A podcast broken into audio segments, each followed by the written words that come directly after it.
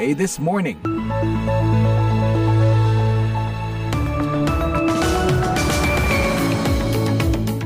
Dari ibu kota Amerika Washington DC, happy morning. Apa kabar? VOA This Morning kembali hadir untuk Anda pagi ini Kamis 6 Juli 2023. Laporan utama pagi ini mengenai KTT NATO yang akan berlangsung minggu depan.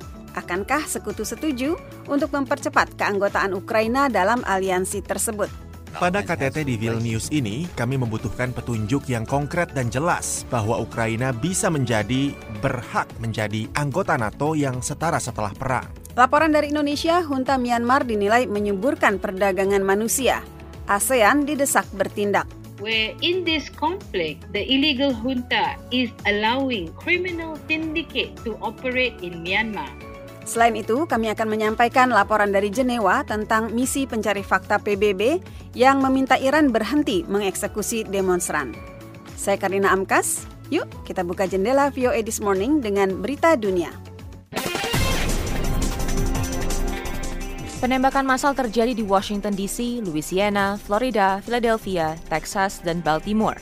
Setidaknya lebih dari 12 orang tewas dan hampir 60 orang terluka, termasuk anak usia 2 tahun. Di Shreveport, Louisiana, setidaknya tiga orang tewas dan 10 lainnya terluka pada selasa malam, menurut polisi Shreveport, Sersan Angie Wilhite. Salah seorang korban luka dalam kondisi kritis pada Rabu, tapi lainnya diperkirakan selamat, ujarnya. Pelaku belum ditangkap. Insiden mengerikan juga terjadi di tengah perayaan Hari Kemerdekaan di ibu kota Amerika Serikat. Rabu pagi, sembilan orang yang tengah menikmati kemeriahan perayaan tertembak dan terluka, kata polisi. Lokasi penembakan 20 menit berkendara ke arah timur Gedung Putih. Petugas yang merespon pada sekitar pukul 1 pagi terhadap penembakan massal itu menemukan anak usia 9 dan 17 tahun di antara para korban, kata asisten Kepala Departemen Kepolisian Metropolitan Leslie Parsons. Di Florida, baku tembak terjadi setelah pertengkaran antara dua kelompok yang berkumpul untuk perayaan 4 Juli di jalan yang melintasi Teluk Tampa. Peristiwa itu menewaskan seorang anak usia 7 tahun, kata polisi. Penembakan itu bermula dari pertengkaran tentang jet ski yang menurut satu kelompok terlalu dekat dengan anak-anak yang bermain di air. Bahkan sebelum hari libur itu, jalan-jalan kota lainnya menjadi tempat yang mematikan. Seperti Senin malam, seorang penembak dengan rompi anti peluru melepaskan tembakan di jalan-jalan Philadelphia, menewaskan lima orang dan melukai dua anak laki-laki usia 2 dan 13 tahun sebelum ia menyerah, kata polisi. Pegiat iklim Swedia Greta Thunberg didakwa tak mematuhi aturan polisi untuk meninggalkan aksi demonstrasi di Malmo pada 19 Juni menurut harian Sydsvenskan. Pada hari insiden terjadi, Greta menulis di postingan Instagram bahwa para demonstran telah menutup jalan untuk truk minyak di pelabuhan Malmo krisis iklim sudah menjadi urusan hidup dan mati bagi banyak orang. Kami memilih untuk tidak menjadi penonton dan justru secara fisik bergabung menghentikan infrastruktur bahan bakar fosil. Kami merebut kembali masa depan, katanya. Jika terbukti melanggar aturan polisi, Greta bisa didenda atau dihukum 6 bulan penjara. Anda mempunyai kebebasan untuk berdemo, tapi Anda tidak boleh melakukan demonstrasi yang bisa mengganggu orang lain. Ujar jaksa Charlotte Ottosen menurut Sinsvenskan.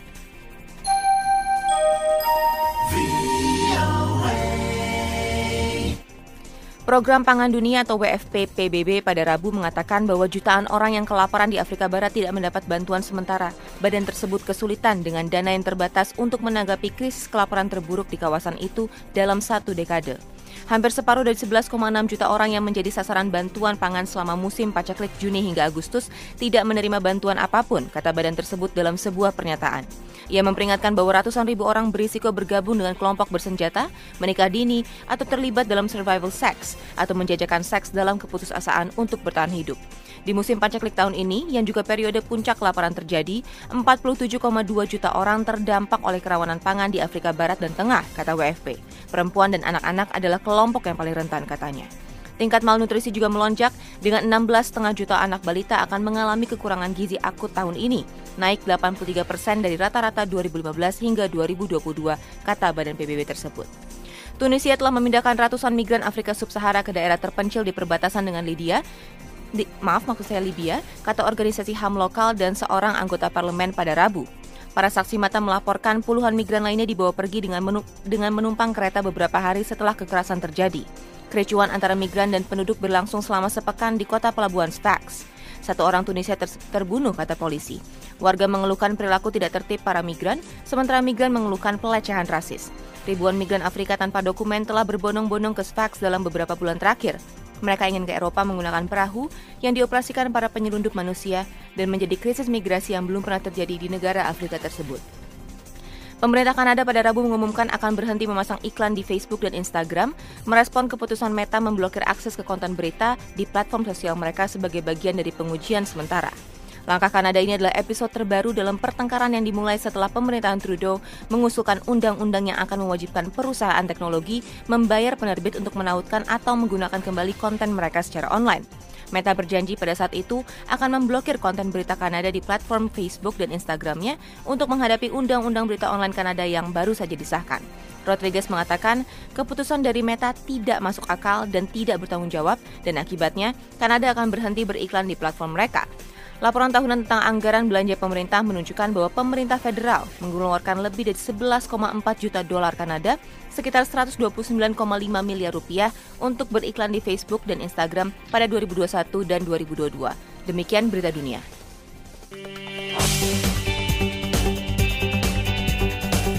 VOA This Morning, kini kita beralih ke laporan wartawan. NATO sedang mempersiapkan KTT dua hari pada 11 dan 12 Juli di Vilnius, Lithuania. Sementara Ukraina mendesak negara-negara anggota aliansi tersebut untuk mempercepat keanggotaannya. Ukraina secara resmi mengajukan permohonan bergabung dengan NATO pada September tahun lalu sebagai tanggapan terhadap aneksasi oleh Rusia terhadap teritorinya di sebelah timur. Presiden Ukraina Volodymyr Zelensky telah menyerukan agar NATO mempercepat permohonan negaranya pada KTT NATO minggu depan. At the Vilnius summit, we need a very concrete and clear signal that Ukraine could become Pada KTT di Vilnius ini, kami membutuhkan petunjuk yang konkret dan jelas bahwa Ukraina bisa menjadi berhak menjadi anggota NATO yang setara setelah perang. Tuntutan Ukraina ini didukung oleh beberapa anggota NATO termasuk Inggris, Polandia, dan negara-negara Baltik. Presiden Lituania Gitanas Nausėda mengatakan There is a need to just create the corridor. Perlu menciptakan sebuah koridor, prosedur, algoritma, bagaimana kita melanjutkan kalau perang sudah selesai dan kondisinya memungkinkan. Tetapi beberapa sekutu NATO, khususnya AS dan Jerman, masih harus memberi dukungan bagi keanggotaan Ukraina yang dipercepat. Ada pertanyaan seperti bagaimana pasal 5 NATO tentang pertahanan kolektif berlaku untuk negara yang sedang berperang dengan Rusia. Fabrice Poitier adalah mantan direktur untuk perencanaan kebijakan di NATO. You could imagine uh, an agreement where Article 5 will only apply to the non-contested uh, Anda bisa bayangkan sebuah persetujuan di mana pasal 5 hanya berlaku untuk teritori Ukraina yang bebas atau tidak dipertikaikan, yang berada di bawah kendali Kiev, sementara yang masih dipertikaikan, baik secara militer atau politik, diplomatik, berada di luar lingkup pasal 5. Jadi, saya rasa ini skenario yang lebih masuk akal. Tetapi ini alasan tepat mengapa proses ini harus dimulai di Vilnius. Para sekutu NATO juga akan menanggapi ancaman baru dan yang akan muncul mencakup perubahan iklim, teknologi siber, dan antariksa. Misi pencari fakta PBB Rabu mendesak otoritas Iran agar menghentikan eksekusi terhadap orang-orang yang dijatuhi hukuman mati karena ikut dalam protes anti pemerintah yang mengguncang negara itu tahun lalu. Mereka juga menuntut agar tahanan dibebaskan. Kematian Mahsa Amini, usia 22 tahun pada September 2022, ketika dalam tahanan polisi moral, memicu gelombang protes massal di seluruh Iran. Ini menandai tantangan terbesar dalam puluhan tahun bagi negara pimpinan ulama tersebut. Sejak itu, beberapa orang telah digantung karena berpartisipasi dalam kerusuhan. Para pemimpin Iran menuduh musuh-musuh baratnya memicu kerusuhan tersebut.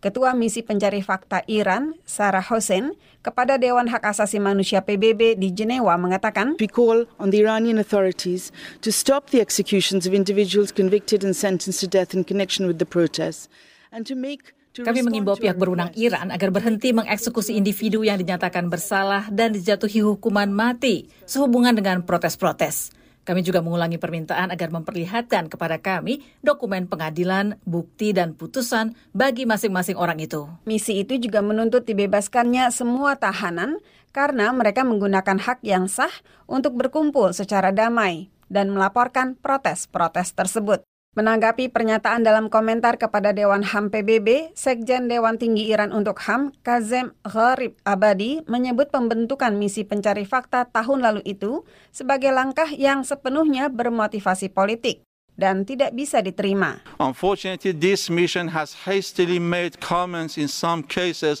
based on data from unreliable sources. Sayangnya, misi ini secara tergesa-gesa membuat komentar-komentar yang dalam beberapa kasus didasarkan pada data dari sumber yang tidak dapat dipercaya. Sejak November, kata Hosen, setidaknya 26 orang dilaporkan telah dijatuhi hukuman mati terkait protes-protes itu. Puluhan lainnya didakwa melakukan pelanggaran dan terancam hukuman mati. Pada Mei, Iran mengeksekusi tiga orang yang dikatakan terlibat dalam kematian tiga anggota pasukan keamanannya selama demonstrasi-demonstrasi tersebut. Karlina Amkas, VOA, Washington. VOA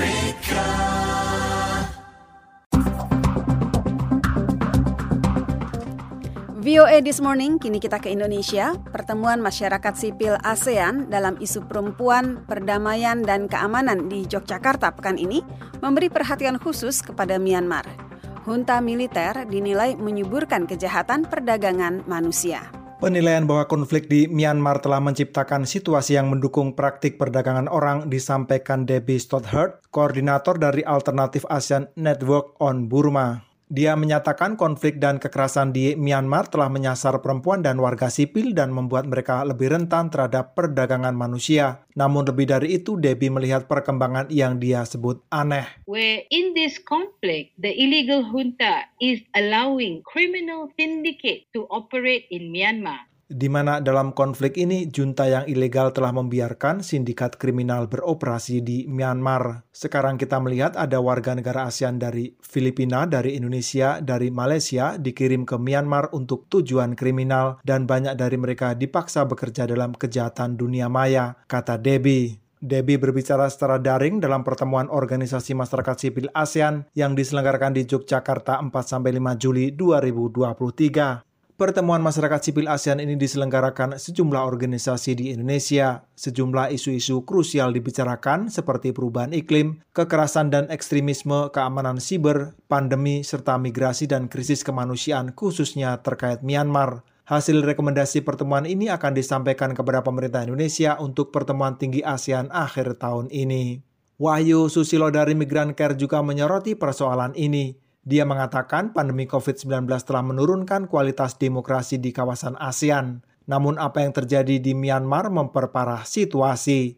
Dia mengatakan selalu terjadi peningkatan kasus-kasus perdagangan orang di negara-negara di mana hukum tidak berjalan ketika hukum sangat lemah, tidak ada kontrol dari masyarakat, korupsi menggurita, dan secara vulgar ini di, diperlihatkan dari peningkatan angka-angka kasus human trafficking yang memanfaatkan misalnya teknologi digital ya di kawasan Mekong Region. Sementara berbicara daring dari Filipina, Safina Maulida, pegiat di Inisiatif for International Dialogue menyampaikan harapan diskusi masyarakat sipil kali ini memiliki keterkaitan kuat dengan apa yang terjadi di lapangan. Kami sangat berharap dengan adanya uh, eh, RPA Women Peace and Security bisa beradaptasi dengan keadaan yang terjadi di Myanmar misalnya, benar-benar beradaptasi dengan konflik yang terjadi uh, on the ground dan berdiri bersama komunitas. Safina mengingatkan bahwa ASEAN telah mengatakan diri sebagai sebuah komunitas. Karena itu harus muncul pertanyaan kritis, apakah ASEAN saat ini telah berdiri bersama komunitasnya? Nur Hadi melaporkan untuk VOA Washington.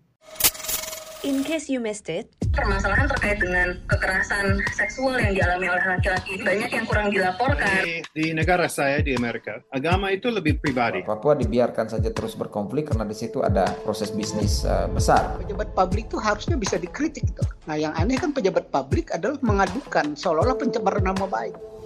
In Case You Missed It, mengupas topik hangat yang mungkin Anda lewatkan. Setiap Jumat di siaran VOA This Morning dan podcast In Case You Missed It.